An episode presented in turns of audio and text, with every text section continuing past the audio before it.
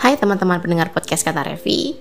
Hari ini saya akan membicarakan mengenai Kenapa sih kadang-kadang kita tuh merasa kehabisan waktu ketika ingin melakukan atau mengerjakan proyek tulisan kita.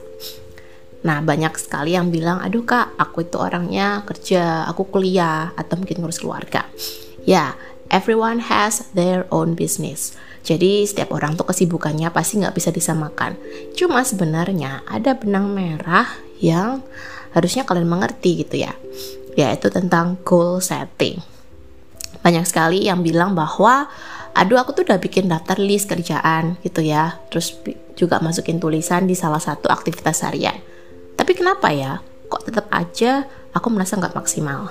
Oke, okay?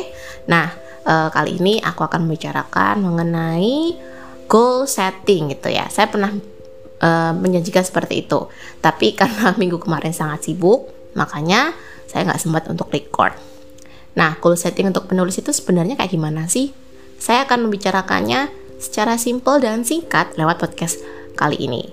Jadi jangan uh, jangan ini ya, jangan lewatin dan dengerin sampai selesai podcast kata Revi minggu ini.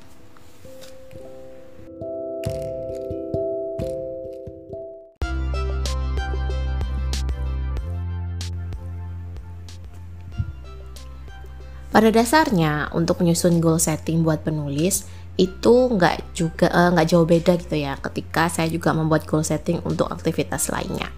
Cuma kali ini karena memang kita ngomonginnya soal kepenulisan, makanya saya ngomonginnya goal setting khusus untuk writer atau penulis.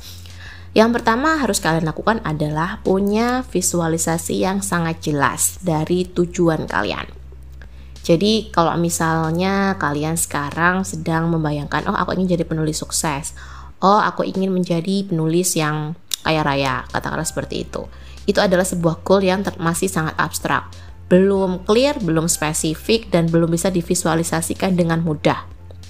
Itu juga pernah saya lakukan dulu, hingga akhirnya saya tahu bahwa ketika ingin menjadi penulis yang seperti yang saya inginkan, saya harus punya gambaran saya itu ingin dilihat seperti apa saya ingin menjadi seseorang penulis yang bagaimana gitu. Jadi nanti juga berpengaruh sama branding kalian. Makanya step awal dulu ketika saya niat gitu ya untuk mulai terjun ke dunia kepenulisan secara profesional baik lewat novel yaitu fiksi dan juga jalur non fiksi yaitu artikel saya punya dua goal yang sangat-sangat clear yang pertama saya ingin mendapatkan uang sekitar satu jutaan ya waktu awal dulu ketika saya masih kuliah dari menulis artikel. Kemudian saya cari jobnya hingga akhirnya saya menemukan dan akhirnya saya kerjakan dan ya saya dapat juga tuh uangnya.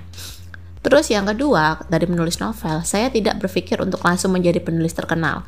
Tapi impian saya yang pertama adalah saya menandatangani buku atau novel pertama saya yang lolos cetak. Dan in the end, akhirnya impian tersebut tercapai dan walaupun saya tidak menang, namun saya itu mendapatkan privilege untuk diterbitkan secara gratis hasil seleksi sebagai seorang finalis novel. Jadi sebagai seorang novelis amatir yang sebelumnya nggak pernah nulis novel sama sekali dan langsung ikut lomba, menurut saya itu adalah sebuah pencapaian yang sangat berarti.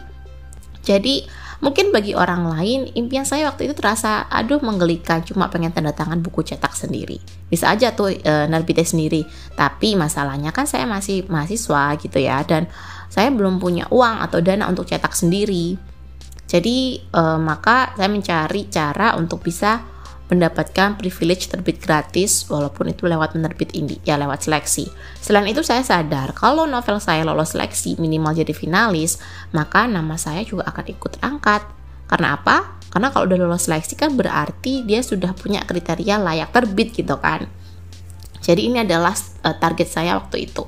Dan akhirnya saya mengikuti banyak sekali seleksi antologi jadi uh, saya nggak langsung bikin novel berikutnya, tapi saya juga mengasah dengan ikut kelas menulis, lalu ikut proyek antologi. Jadi banyak sekali uh, cerpen-cerpen atau tulisan esai saya yang terbit di antologi bersama. Bagi kalian yang belum tahu apa itu antologi, antologi adalah kumpulan tulisan yang berasal dari banyak penulis dalam satu buku.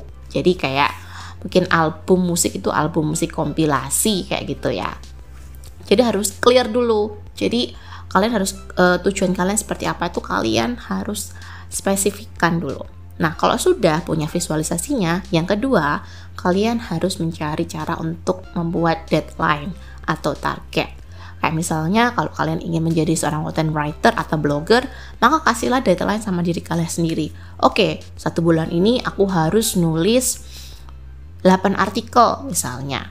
Kemudian kalian juga bisa memaksakan diri ikut blog challenge misalnya, seperti yang sedang saya praktekkan pada peserta kelas di Bislab.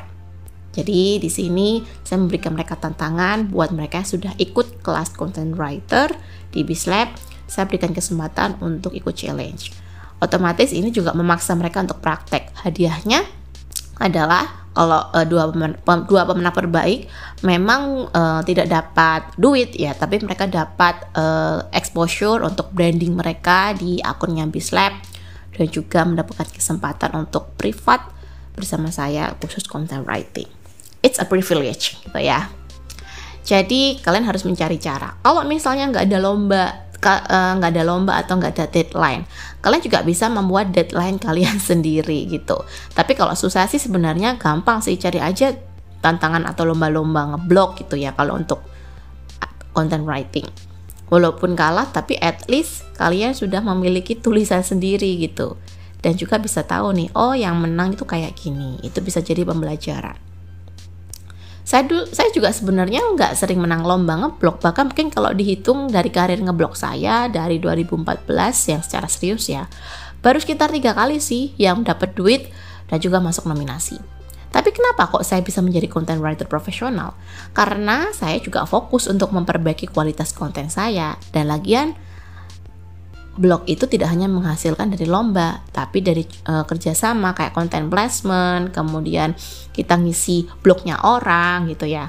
Dan supaya orang itu percaya kalau kita emang penulis atau blogger yang keren, ya kita juga harus aktif ngeblog dong di blog kita sendiri supaya ada portofolio gitu untuk klien kita. Jadi kalian harus memiliki deadline yang akurat juga. Dan deadline-nya juga nggak perlu yang muluk-muluk dulu. Misalnya 6 bulan pertama pengen ngisi blog aktif lalu 6 bulan berikutnya baru aktif ikut lomba. Jadi buatlah target yang kecil-kecil yang measurable gitu ya. Kemudian yang ketiga, kalian juga harus sesuaikan sama kesibukan kalian. Utamakan aktivitas kalian yang utama, uh, yang paling primer, misalnya pekerjaan, ngurus keluarga, atau mungkin kalau kalian sekarang sedang tidak sehat ya peduli sama kesehatan kalian dulu gitu ya. Jangan memforsir gitu. Kecuali kalau memang tuh aktivitas menulis ini sudah menjadi pekerjaan utama kalian maka mau nggak mau ya kalian harus spare waktu untuk fokus gitu. Karena ini kan pekerjaan. Tetapi kalau misalnya ini masih menjadi side hustle atau side job maka ya otomatis kamu juga harus mengatur waktu lagi gitu dan kalau kamu ingin menjadi seorang penulis, ya otomatis kamu harus nyisihin waktu untuk nulis. Cuma bedanya karena masih belum menjadi karir yang utama, maka bisa nih kamu sempetin setengah jam doang waktu pagi. Misalnya kalau anakmu baru e, belum bangun atau ketika anakmu yang udah sekolah itu lagi di sekolah. Ngetik bisa tuh bikin draft di HP, jadi nggak harus langsung di komputer. Atau e, kalian juga bagi yang nulis novel. Oke, kalian juga bisa record tuh ya apa yang kalian pikirkan langsung nanti jadi teks. Yang ada aplikasi kan sudah banyak tuh aplikasi yang bisa membuat apa yang kita omongkan itu bisa jadi teks. Nanti bisa tinggal rapiin setelah ada waktu. Jadi setiap hari itu bisa bergantian. Misalnya Senin waktunya riset, Selasa waktunya nulis bab pertama, Rabu uh, kemudian kita nambahin bab simple aja gitu dan juga nggak harus langsung satu bab. Mungkin satu minggu satu bab. Walaupun terlihat sangat pelan tetapi ada progres. Dan percaya nggak percaya dengan hanya progres yang kecil sekalipun ini bisa membuat kalian tuh merasa berdaya dan produktif. Ini yang saya lakukan. Jadi kalau kalian ngelihat, wah Kak Revi kok sibuk sana sini ya, sebenarnya nggak juga sih. Karena satu bulan sebelum saya membuat kelas menulis misalnya, saya sudah membuat jadwal. Kemudian uh, saya juga memberikan ruang-ruang untuk aktivitas-aktivitas yang masih bisa fleksibel diatur gitu ya. Jadi bulanannya sudah ada, kemudian mingguannya juga saya buat. Dari situ akhirnya saya tahu oh di waktu-waktu ini saya bisa full istirahat atau full untuk nonton drakor, main game dan lain-lain. Jadi yang kalian lihat itu kan cuma secuplik aja yang saya tampilkan yaitu saat saya sedang sibuk atau ikut event tertentu.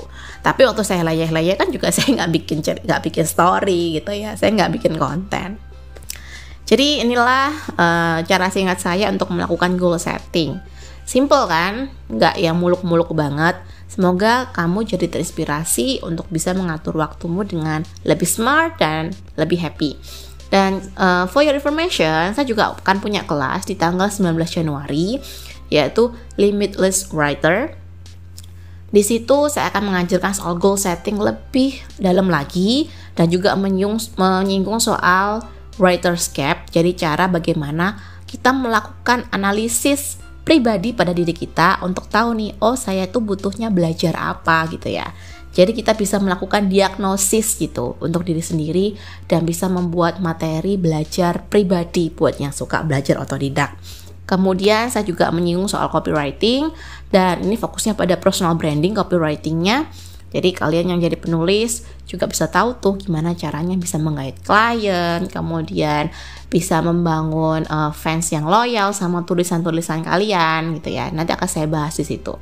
Jadi kesempatan kalian untuk menjadi seorang penulis itu limitless, tidak terbatas. Selain itu akan ada Kak Atria yang juga menjadi uh, bukan ahli sih tapi pecinta journaling dan seorang penulis. Jadi di sini kalian akan juga diajarkan gimana sih uh, journaling untuk menulis supaya mental healthnya tetap terjaga dan juga kalian tetap happy ketika sedang mengejar passion menulis kalian. Jadi ini menjadi satu paket yang membuat kalian kreativitasnya akan tetap terbakar, tapi sekaligus juga menjadi orang yang happy dan sehat secara mental. Terima kasih karena sudah mendengarkan podcast kata Revi. Kali ini, kalau kalian ada pertanyaan, silakan langsung kirim voice message lewat aplikasi Anchor atau kalian juga bisa DM di Instagram kata Revi, KATA underscore R E F F I. Sampai jumpa di podcast kata Revi berikutnya.